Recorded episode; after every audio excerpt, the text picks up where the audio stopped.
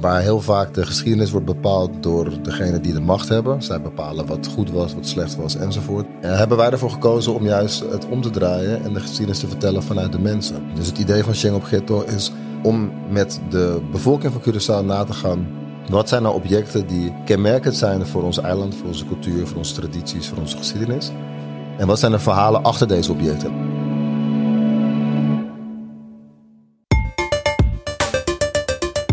Welkom bij Wij zijn kunstenaar.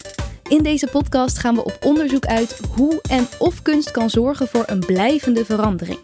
Mijn naam is Diede Vonk en in deze serie spreek ik creatieve makers die onze wereld kritisch bevragen. Ze betrekken bij hun projecten gewone mensen uit de samenleving, zoals jij en ik. Mijn oma is er niet meer. afgelopen jaar is overleden. En deze traditie kennen we van haar. Dus ik vond het wel mooi dat ze aanwezig blijft uh, door middel van mijn verhalen en hetgeen dat ik met anderen deel. Is het een illusie om te denken dat kunst echt iets kan veranderen? Of maken deze projecten daadwerkelijk impact op de makers, deelnemers en de wereld om hen heen? Zijn wij allemaal kunstenaar? Ik wil leren om mijn kennis over te dragen aan mijn kleinkinderen, aan andere mensen. Ik wil niks meenemen naar het graf. De initiatieven waarover je zult horen hebben steun gekregen van het Vriendenloterijfonds. Ik hoop dat de makers en deelnemers die ik spreek me kunnen leren hoe zij met kunst een verandering teweeg brengen. Ik ga het ontdekken en neem je graag mee.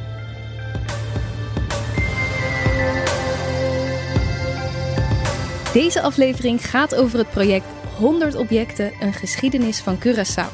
Het project vertelt de Curaçaose geschiedenis aan de hand van de verhalen van 100 tot de verbeelding sprekende objecten. Met als doel cultureel erfgoed tot leven brengen en te verbinden in een tijd van verdeeldheid, ongelijkheid en onzekerheid. In 2020 bestond Curaçao namelijk 10 jaar als autonoom land binnen het Koninkrijk.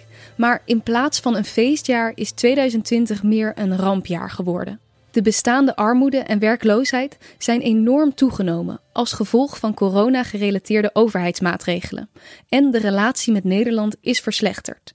Tegen deze achtergrond wil Juri Oldheten, oprichter van het literaire instituut Wintertuin Curaçao, dit project realiseren.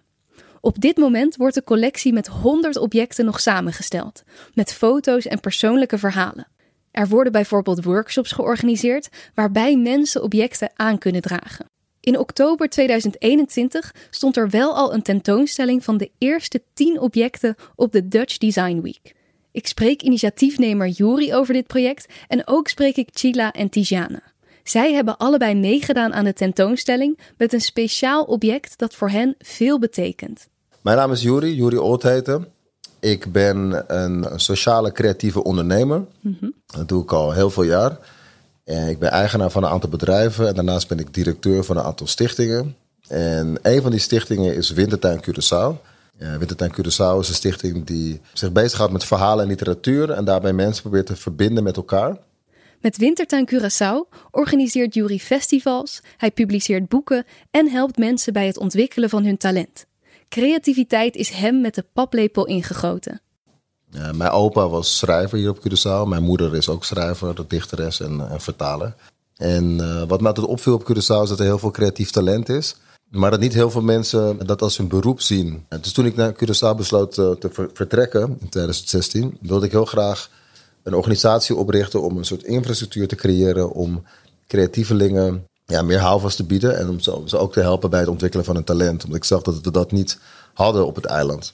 En daarom ben ik Wintertuin Curaçao begonnen. Ik wil natuurlijk graag weten waarom Juris hart sneller gaat kloppen van dit project. Waarom wil hij dit zo graag maken? Het project waar we nu mee bezig zijn heet Sheng op Ghetto. De ondertitel is Un Historia di Curaçao. Dat betekent 100 objecten. En de ondertitel Een geschiedenis van Curaçao. Het is een project om de geschiedenis van Curaçao te hervertellen aan de hand van 100 objecten en de verhalen achter deze objecten. En het project is ontstaan vanuit de gedachte dat om de toekomst beter aan te kunnen, dat je daarbij lessen kunt leren uit het verleden.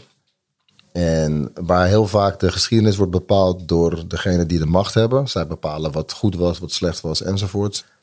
Uh, hebben wij ervoor gekozen om juist het om te draaien en de geschiedenis te vertellen vanuit de mensen. Dus het idee van Sheng op Ghetto is om met de bevolking van Curaçao na te gaan.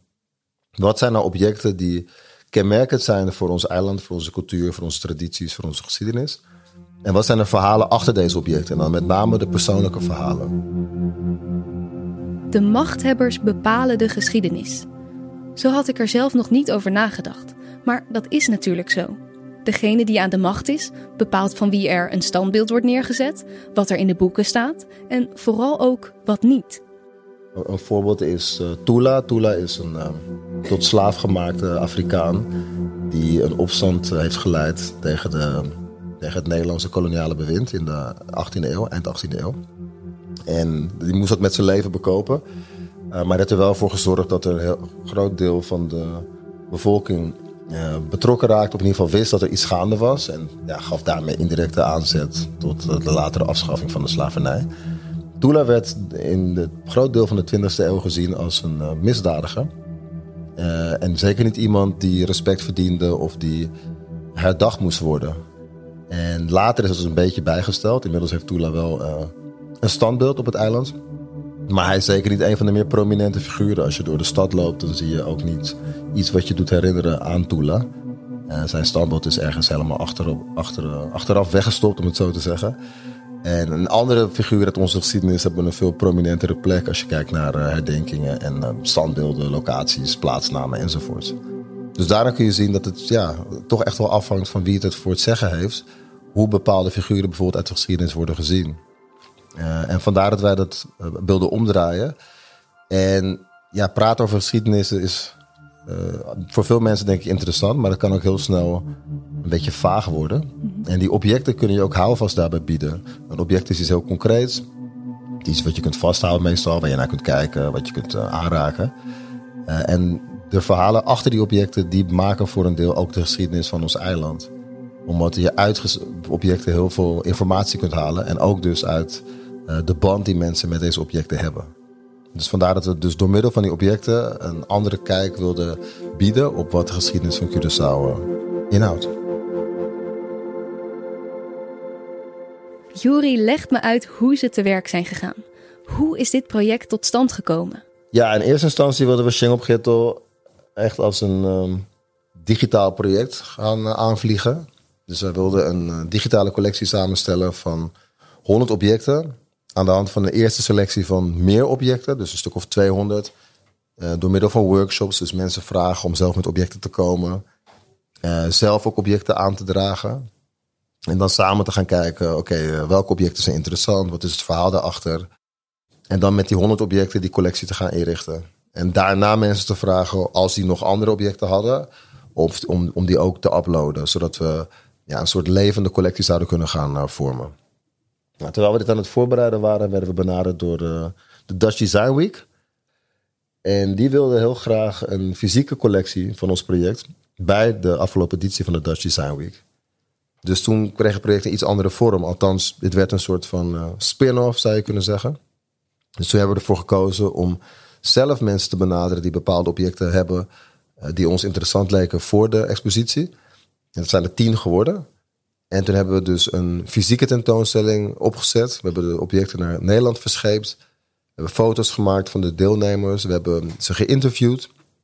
Waardoor je bij de expositie, dus uh, zowel in beeld als in geluid, als ja, in, in, uh, hoe zeg dat, in levende lijven uh, met de objecten te maken kon krijgen. Een van de mensen die bij de eerste selectie zat van tien objecten is Ercilia. Iedereen kent haar als Chila. Mijn naam is Ercilia Pieters Martina. Ik ben weduwe van John Pieters. Ik ben 72 jaar jong. Ik heb twee pleegdochters, één van 35 en één van 41 jaar. En ik heb acht kleinkinderen. Mijn hobby's zijn zwemmen, dansen en vrijwilligerswerk. Vrijwilligerswerk doe ik bij de blinden. Blindenzorg hier op Curaçao al meer dan 18 jaar. Ik vind het heerlijk daar bij de blinden. Want die mensen, ze kunnen niet zien, maar ze zijn altijd blij. Dus ze geven voor moed om verder te gaan.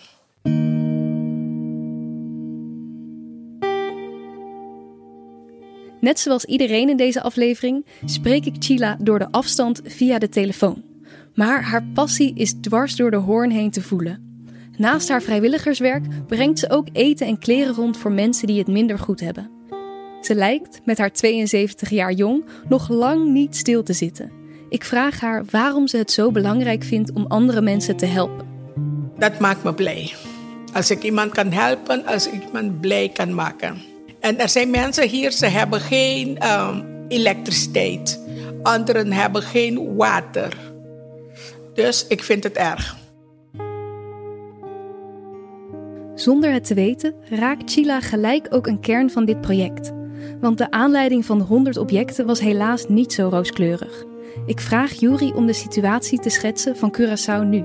Curaçao is een plek waarbij je niet zo snel ziet wat er eigenlijk speelt, omdat alles er mooi uitziet.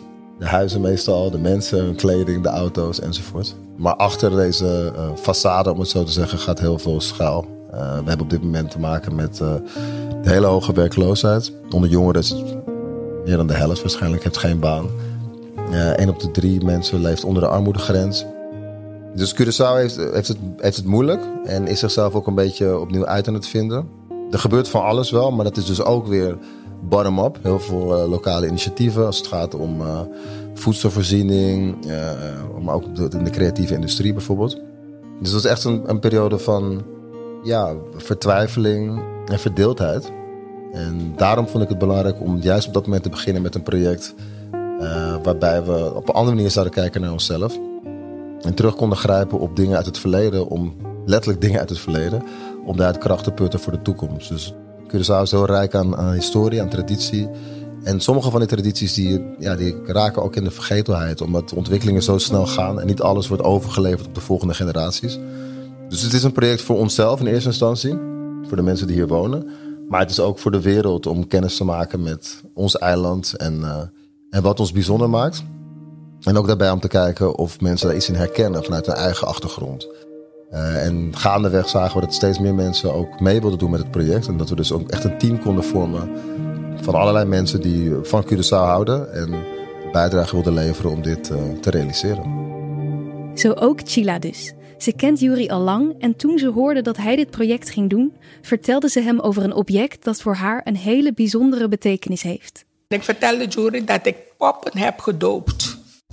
Dus de mensen vragen me om een pop te dopen. Doopse van pop, dat is iets van heel vroeg hier op Curaçao. De mensen die geen kinderen konden krijgen, dus de dames, de vrouwen, die doopten poppen. Sheila legt me uit dat deze traditie is ontstaan omdat het dopen van een pop troost biedt voor mensen die geen kinderen kunnen krijgen. Door zo'n ceremonie worden ze peetvader of moeder van de pop.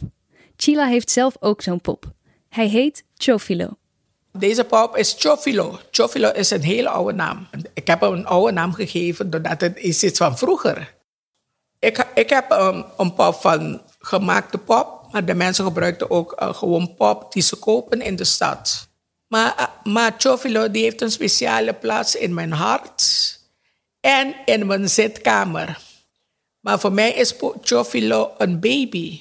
Want kijk, toen Chofilo werd gedoopt, al die mensen op het feest, ze leefden gewoon mee met de doop. Dus ze zagen niet een pop, ze zagen een baby. Weet je, je krijgt gewoon een band met die pop. Ook al vertelt ze er enthousiast over, het lijkt mij iets heel verdrietigs als je geen kinderen kunt krijgen, als je dat wel wilt. Maar Chila verzekert me dat deze ceremonie juist één groot feest is. Ze legt me uit hoe het werkt. Er was een peettante, peetoom en een jaja. Jaja, dat is, um, was altijd iemand, laten we zeggen, een hogere leeftijd, no? een oma-figuur. En zij gaat met de baby dus naar binnen in de kerk. Dan geeft het aan de peetante om te dopen. Maar het is niet een kerk, het is gewoon thuis werd het gedaan. En er is een priester. En de priester die is altijd een vrolijke priester. Die praat gekke dingen, eh, laat de mensen lachen. Soms zegt die priester ook, maar de baby die lijkt niet op de vader. Lijkt meer op die peetoom. Dus uh, gekke dingen zodat de mensen lachen. Dan wordt de baby gedoopt. Maar ehm, om te dopen gebruiken ze spelden, knopen, dus geen water, hè? Gewoon knopen of, kleren. Of steentjes, gekleurde steentjes, van alles. En dan dopen ze de pop, ehm, niet in de naam van de vader en de zoon, gewoon um, bolgaren, um, spel, speld, naald, veiligheidsspeld. En da daarna dan feliciteert de priester, uh, peetante, peetoom. En die peetoom die heeft een fles uh, rum in, in zijn zak. Dan zegt die pastoor, we gaan hiermee drinken, vieren. Dus uh, er wordt gewoon gelachen. En daarna is er echt feest.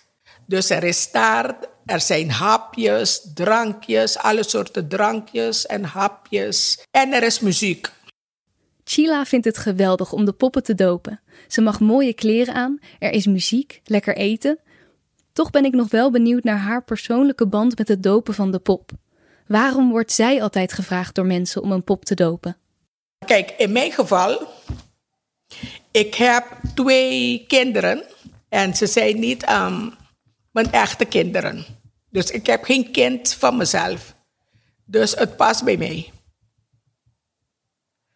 Ik ben twee keer getrouwd. Ik, ik, ik ben twee keer weduwe. Toen ik 25 jaar was, weduwe. 50 jaar weer weduwe. En toen hebben twee kinderen, laten we zeggen, geadopteerd. En als iemand zegt, praat over een echte biologische moeder, ze zeggen aan iedereen: Mijn moeder is Chila.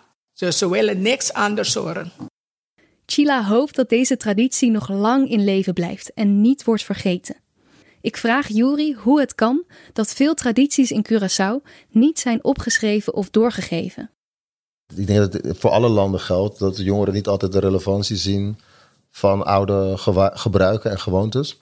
Ja, en ook heel veel zaken die door sommige mensen als ouderwets worden gezien. Bijvoorbeeld uh, het gebruik van uh, medicinale kruiden, spirituele zaken die als bijgeloof kunnen worden aangemerkt. Maar ook is het gebruik van bepaalde uh, voorwerpen die niet meer belangrijk waren, omdat er andere manieren waren om ze te gebruiken om, hetzelfde doel te bereiken. En die ontwikkelingen zijn er bij ons vrij snel gegaan. Want in 100 jaar zijn we dus van een, een landbouwsamenleving naar een industriële samenleving, naar een meer dienstengebaseerde samenleving gegaan. Dus vandaar dat heel veel van die ontwikkelingen er ook voor hebben gezorgd dat veel zaken die destijds uh, gewoon en gebruikelijk waren, dat nu niet meer zijn. En wat er nog eens bij komt, is dat als je het mij vraagt, we te weinig aandacht uh, hebben besteed ook aan, aan onze, met name culturele gewoontes en gebruiken. En veel waren ook verboden, dat is ook iets om te vermelden. Dus in de tijd van de Nederlandse overheersing, bepaalde vormen van dansen, bepaalde muziekvormen. Of zelfs de taal. Uh, mocht ook niet gesproken worden op veel plekken. Dus dat zorgt ervoor dat de, ja, de minder algemeen verspreide gewoontes en gebruiken het soms moeilijk hadden. Omdat ze aan de ene kant dus niet meer boeiend waren voor jongere mensen. Soms ook verboden. Uh, en daarnaast omdat ze soms ook niet meer relevant waren. Iemand die wel van huis uit oude tradities meekreeg, is Tijana. Ik ben Tiziana Pensel, ik ben 29. Ik ben hier op Curaçao geboren. Uh, hier tot mijn 18e gewoond. En uh, toen ik 18 uh, werd, was ik dus naar Nederland gegaan om te studeren. Na vijf jaar studeren heb ik dan mijn bachelor en master fiscaal recht afgerond. En toen wou ik terug naar mijn klein paradijsje, Curaçao dus. Ik ben heel graag met mijn familie hier en de mensen, mooi weer, onze mooie stranden, onze lekkere eten, onze cultuur. Dus uh, uh, ik ben toch wel een island girl ken kennelijk. Dus uh, daarvoor ben ik eigenlijk weer teruggekomen. Tijana vertelt dat ze via Cleo de Brabander werd gevraagd om mee te doen aan dit project. Cleo is productdesigner en creative director van Shen of Yetto nou, een van de objecten die, die ik dan iets over vertel, uh, wisten dat ik een associatie mee had. Waardoor ze vroeg van, nou, zou je iets erover willen vertellen? Uh, nou, ik was een beetje huiverig in het begin. Uiteindelijk heb ik het gedaan. En ik, uh, ik ben eigenlijk heel blij dat ik het uiteindelijk wel heb gedaan. En waarom was je een beetje huiverig op het begin? Nou, het object is eigenlijk dan blauws. En uh, blauws is dan uh, indigo. Het, uh, het is een blauwe poeder, zeg maar. En vroeger werd het dan eigenlijk gebruikt als kleurstof en of als wasmiddel. En, maar ik heb het nooit as such gebruikt. Dus ik als familie of als persoon hebben we nooit blauw zo gebruikt. We, we kennen blauw eigenlijk op een andere manier. Want het was eigenlijk meer voor bijgeloof. En het werd dan gebruikt om slechte energie en kwalijke intenties van andere mensen eigenlijk uit te sluiten, buiten te houden, ver van je te houden. Dus het werd dan eigenlijk op die manier gebruikt. En we hebben dan. Um, of althans, van wat ik heb geleerd, hebben we dan uh, bepaalde tradities daarmee. Blauws bestaat in poedervorm, maar ook als vloeistof en wordt dus vaak gebruikt om mee te wassen. Je vindt het nog steeds overal in de apotheken op Curaçao. Maar dat het vroeger gebruikt werd voor hele andere dingen, weet niet iedereen. Bijvoorbeeld als je dan een, uh, net een pasgeboren baby hebt en je gaat uit huis met je baby, dan uh, om hem te beschermen, hem of haar dan te beschermen van uh, slechte energie, energie, of kwalijke intenties, zet je dan een beetje plaus op, op de onderkant van zijn voet of achter op zijn hoofd en dan bescherm je dat kindje. Of ook als, als je wat ouder bent, dan kan je ermee baden. En dan mix je het met water. En Awi Florida is ook bekend hier op Curaçao. En dan mix je het. En dan is het een beetje, werkt het een beetje verfrissend. En uh, haalt alle bad energy en zwaarte van je weg. Um, vroeger, wat mensen ook deden, was dan. Um, ook als ze een huis gingen verven, dan, uh, dan strooiden ze een beetje blauws erin. En dat was om al het slechte energie buiten het huis te houden. Dus uh, dat is eigenlijk mijn associatie met blauws. En Cleo wist dat. En toen vroeg ze, nou wil je iets over vertellen?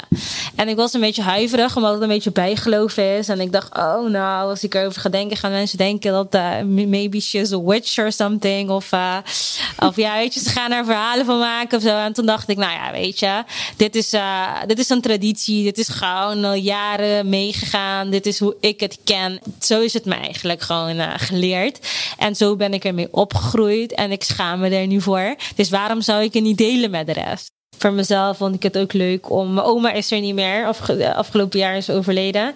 En deze traditie kennen we van haar. Dus ik vond het wel mooi dat, haar, dat zij toch wel blijft. Uh, dat ze aanwezig blijft uh, door middel van mijn verhalen en hetgeen dat ik met anderen deel. Ik ben heel benieuwd wat Tijana's eerste herinnering is aan Blauws. Waar werd het bij haar voor gebruikt? Vroeger als kind werd ik heel vaak aangestoken door, door bijen. En dan zette mijn moeder dan altijd een beetje blauws erop. En het hielp volgens mij niet. en uh, volgens mij heb ik het daarna ook bij andere mensen volgens mij uh, als tip aangeraden. Iedereen bleef me raar aankijken van nou, het helpt echt niet. Geloof je er zelf in, in, in de werking ervan? Ik denk gewoon, het kan geen kwaad. uh, voor dat bijenprekken, nou, dat, dat zou ik niet meer doen nu. Maar uh, voor slechte energie gebruik ik het wel. Maar um, ik doe het ook meer van omdat ik denk van als ik, ik heb liever dat ik het doe en dat ik het niet doe, zeg maar. Dus uh, dat, uh, dat ik denk van het kan me eerder helpen dan niet helpen. Dus uh, eigenlijk op die manier. Maar ik durf niet echt te zeggen van dat ik echt denk van dat het helpt of niet. Ik ben over het algemeen best wel een happy person. Ik ben blij met mijn leven. Dus in ieder geval heeft het geen kwaad, geen kwaad gedaan. Hoe kijkt Tijana nu naar deze traditie? Is ze blij dat ze ondanks haar twijfels toch heeft meegedaan? Ik denk dat ik um, wel meer outspoken ben geworden hierover. Uh, dat ik uh, misschien daar waar ik vroeger dan iets meer terughoudender was om, om een verhaal en mijn persoonlijke ervaring te delen uh, met de rest. Dat ik nu denk van, nou weet je, dit is mijn familietraditie, dit is wat ik heb geleerd. Ik ben er eigenlijk gewoon trots op. Ik vind het eigenlijk ook best wel grappig en leuk. En this is me and this is it. Zoals bij Tijana doet het delen van al deze persoonlijke verhalen natuurlijk veel met de deelnemers. Ik vraag Juri wat hij ziet gebeuren. Wat doet het met mensen om hun tradities door te geven? Ik denk dat, ze het heel bijzonder vonden om deel te nemen. Omdat ze ja, via het object ook zelf iets konden vertellen over hun eigen achtergrond. Um, maar ook omdat ze dus ja, heel veel emotionele waarde hechten aan het object. Uh, waarmee ze dus deelnemen aan het project. Dat zie je denk ik ook heel erg terug. Aan de foto's zie je dat het echt hele trotse deelnemers zijn die heel stoer en, en, en blij in de camera kijken. In de interviews hoor je dat ze heel openhartig uh, zijn. eh, bij het aangeven van waarom het belangrijk is. Eh, soms gaat het over hele persoonlijke zaken, familiegeschiedenis of uh, ja, hele andere persoonlijke zaken die dus te maken hebben met het specifieke object. en ik denk dat je dat dus ook terugziet in, in de expositie. Tijana merkt naast haar persoonlijke verandering dat het project ook zorgt voor meer verbinding tussen mensen die deelnemen of toeschouwer zijn. Ik heb ja, veel geleerd van mijn eigen geschiedenis. soms dus in mijn geval dan, ik kom, ik kom hier vandaan en dan denk je soms dat je heel veel weet. En dan zijn er altijd dan um, andere dingen die je kan leren. En in dit geval heb ik het dan geleerd door middel van objecten. En uh, dat ik dus niet voorheen wist. Dus ik heb mijn eiland ook op een andere manier leren kennen. En in dit geval door middel van kunst, cultuur, geschiedenis. Dus uh, ik denk dat door middel van die objecten je dan uh, verhalen naar boven krijgt. Verhalen, ervaringen van andere mensen. Zeker in de zin van dat je dan verbinding creëert. En ook gewoon het zet je soms gewoon aan het denken. Als ik dan eigenlijk een concreet voorbeeld daarbij kan uh, noemen. Is het dan een van de objecten is dan een strijkijzer. Die vroeger dan gebruikt werd om, uh, om zeg maar kroeshaar, dan een stijl te maken. En ik vind het ah. eigenlijk best wel een heel interessant object dan. Want um, als je dan kijkt naar het verleden, vroeger was dan steelhaar en sluikhaar, dat was dan mooi. Zo moest het zijn. Dus als je dan kroeshaar had, dan moest je haar gesteld worden. Maar ook gewoon jaren daarna, als je dan chemicalen die we dan moesten gebruiken, of uh, urenlang bij de kapper zitten om je haar mooi te krijgen. Maar wie heeft nou eens bepaald dat dat, dat mooi is? En als je dan nu gewoon kijkt naar de beweging van hoe het nu is, van nu is het echt gewoon um, natural hair. Het is gewoon een freedom van mijn krullen zijn mooi. Het is gewoon een soort van bevrijding. Dus ik vind dat dit soort objecten wel belangrijke thema's gewoon naar voren brengen. Van ah, zo is het dan eigenlijk begonnen toen der tijd. Dit was dan goed voor die tijd. Maar dat betekent niet per se dat dat hetgene is wat in deze tijd past of wat goed is. Maar het is wel mooi om dat hele traject te zien van hoe het is begonnen en hoe waar we nu staan. En dat je nu gewoon mensen rond ziet lopen met een mooie natural curls. En dat ze gewoon trots op zijn. Dus uh, uh, in die zin uh, merk je wel gewoon verbinding, connectie. En ook gewoon um, dat je je kan relaten aan bepaalde verhalen die je ziet. En ervaringen van andere mensen. Ook Chila is erg enthousiast. Ik vraag haar of zij denkt dat dit project een verandering teweeg kan brengen in de samenleving. Ik vind het hartstikke leuk en interessant. Want kijk, al die dingen van vroeger, dan, dan wil jury ze weer naar voren brengen, zodat de mensen weten wat er vroeger hier op Curaçao gebeurde. En ik vind het heel erg belangrijk, vooral voor de jeugd. Want de kinderen die weten niet van onze cultuur, wat we vroeger deden. Want kijk, op school leren ze dat niet, of bijna niet. En waarom is het belangrijk dat we iets weten van onze geschiedenis? Dan begrijp je jezelf beter. Je weet waar je komt, waar je naartoe gaat, hoe je voorouders hebben gewoond, wat ze hebben gedaan. Kijk, vroeger bij ons thuis hadden we veel dingen. En we zeggen, ai, het is ouderwets, ouderwets. We gooien ze weg. Mm Maar nu hebben ze allemaal waarde. En ik wil meer geschiedenis van vroeger te weten komen. En kijk, je bent nooit te oud om te studeren, om meer te weten. Dus voor de volgende generatie, die krijgen dan alles op papier, in boeken en zo. Dus dat niks verloren gaat. Bijvoorbeeld mijn oma. Mhm. Zij kon een heleboel dingen maken. Ik heb niet geleerd. En nu vind, nu vind ik het jammer. Ik bedoel, de kennis die ik nu heb, als ik het had toen ik zo 15 jaar oud was, nou, dan was ik nu veel verder. Want kijk, ik wil leren om mijn kennis over te dragen aan, aan mijn kleinkinderen, aan andere mensen. Dus ik wil niks meenemen naar het graf. Niks meenemen naar het graf. Dat lijkt me een heel mooi voornemen. Ook de mensen die bij de Dutch Design Week al de tentoonstelling met de eerste 10 objecten en verhalen hebben gezien, zijn erg enthousiast. Sommigen waren heel benieuwd en wilden er alles van leren, anderen werden er emotioneel van, als ze bijvoorbeeld iets herkenden uit hun eigen cultuur. Ik vraag Tijana wat voor haar de betekenis van kunst is. Ik denk dat uh, kunst het uh, historisch besef vergroot. Door middel van een film, een boek of een schilderij krijg je dan inzicht in het dagelijks bestaan en het leven uit die tijd.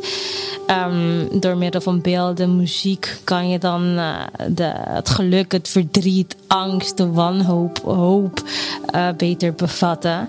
Maar ik denk dat kunst ons ook leert begrijpen hoe de gebeurtenissen in het verleden ons hebben gemaakt tot wat we vandaag zijn. En ik, uh, daarnaast denk ik ook, uh, als ik gewoon kijk nou, naar, naar gewoon op individualistische basis, als je dan kijkt naar, naar de wereld, hoe het eigenlijk, hoe, hoe het nu zit. Um, in een wereld waarin alles een direct nut of een functie zou moeten hebben, missen wij wel zingeving. We zijn ook veel meer individualistisch geworden. Maar kunst inspireert. Het geeft je energie. Het leidt tot nieuwe ideeën. Het brengt mensen samen. Dus uh, ik denk dat dat zeker zou kunnen helpen. Hoe ziet Juri dit? Wat is voor hem het belang van kunst en de reden voor dit project? Ik denk dat kunst echt een, een katalysator kan zijn van, uh, van maatschappelijke verandering. En zeker in deze tijd. Ik ja, ik denk dat het wereldwijd is, maar zeker ook op Curaçao. Uh, wat je te horen krijgt en te zien krijgt op uh, ja, tv, de radio, de kranten, maar ook online, is vaak, um, heeft te maken met angst. En ja, dat de dingen niet goed gaan en controle en vrij veel negativiteit. Daar ontkom je eigenlijk bijna niet aan. En ik denk dat kunst mensen ja, hoop kan bieden. Uh, kan mensen het idee geven dat dingen ook beter kunnen worden. Kan men, mensen anders laten kijken naar hun realiteit. Kan mensen inspireren. Ik denk dat het heel belangrijk is om mensen in hun, in hun hart te raken en niet alleen maar in hun hoofd. Uh, want als je mensen alleen in hun hoofd raakt, dan bepalen ze heel snel of ze het ermee eens zijn of niet. En dan kom je in een soort uh, wel eens niet of in een soort ja, debatsetting terecht. Terwijl als je mensen in hun hart raakt, dan, voelen ze iets, ervaren ze iets, zonder dat er meteen een oordeel uh, over wordt geveld. En ik denk dat dat wel iets is wat we heel erg nodig hebben om wel in contact te blijven met ons eigen gevoel. En ook uh, ja, met hoop en positiviteit de, to de, toekomst tegemoet te gaan. En ik denk dat dat iets is wat kunst aan, waar kunst aan kan bijdragen. En ik probeer daar, daar dus mijn steentje aan bij te dragen hier op Curaçao. Het project loopt natuurlijk nog, maar ik ben toch benieuwd of Juri al iets kan zeggen over het effect wat hij ziet. Komt de verbinding waar hij op hoopte tot stand? En ziet hij al een blijvende verandering? Ja, het zijn allemaal, we zeggen dat, kleine, kleine zandkorreltjes, denk ik, die, uh, die, die bijdragen. Uh, maar wat ik zelf, om een heel, klein, heel concreet klein voorbeeld te geven. We hadden vorige week een masterclass hier georganiseerd. En die masterclass ging over objecten en verhalen en literatuur. En daarbij was ook Chila uh, Pieters aanwezig. En Chila vertelde over de pop uh, waarmee ze dus deelnam of deelneemt aan ons project.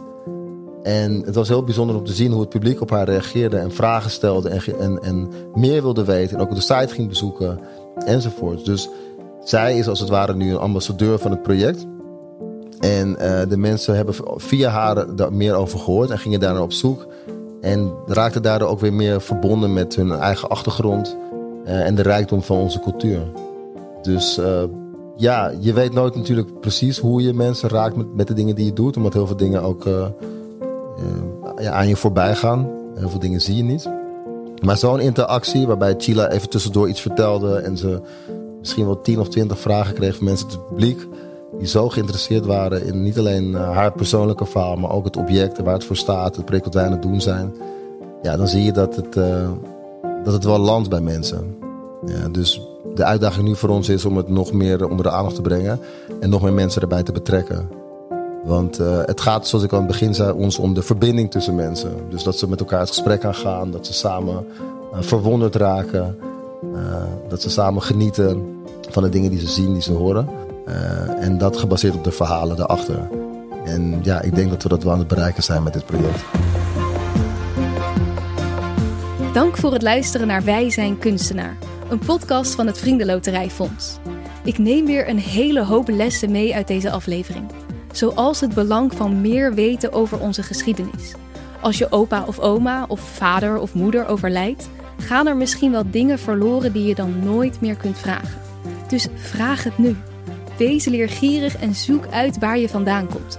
Zoals Chila zegt, als je meer weet van je voorouders, leer je ook meer over jezelf. En ook kan het vertellen over jouw tradities een ander weer rijker maken. Juri doet dit project natuurlijk niet alleen. Andere belangrijke mensen zijn historicus Martijn Brugman, creative director Cleo de Brabander, David van Delden is verantwoordelijk voor alle digitale aspecten van de productie en Fardi Lodovica is audioproducer. Dankzij Fardi hebben we ondanks de grote afstand tussen Curaçao en Nederland toch alle interviews in deze aflevering goed op kunnen nemen. Dus dank aan Fardi en dank aan Juri Oldheten, Ercilia Pieters en Tijana Penso. Dit was voorlopig de laatste aflevering van Wij zijn kunstenaar. Maar wie weet hoor je later nog van ons. Dus volg de podcast om de eerste te zijn die het hoort als er nieuwe afleveringen zullen komen. We hopen dat je het een interessante serie vond.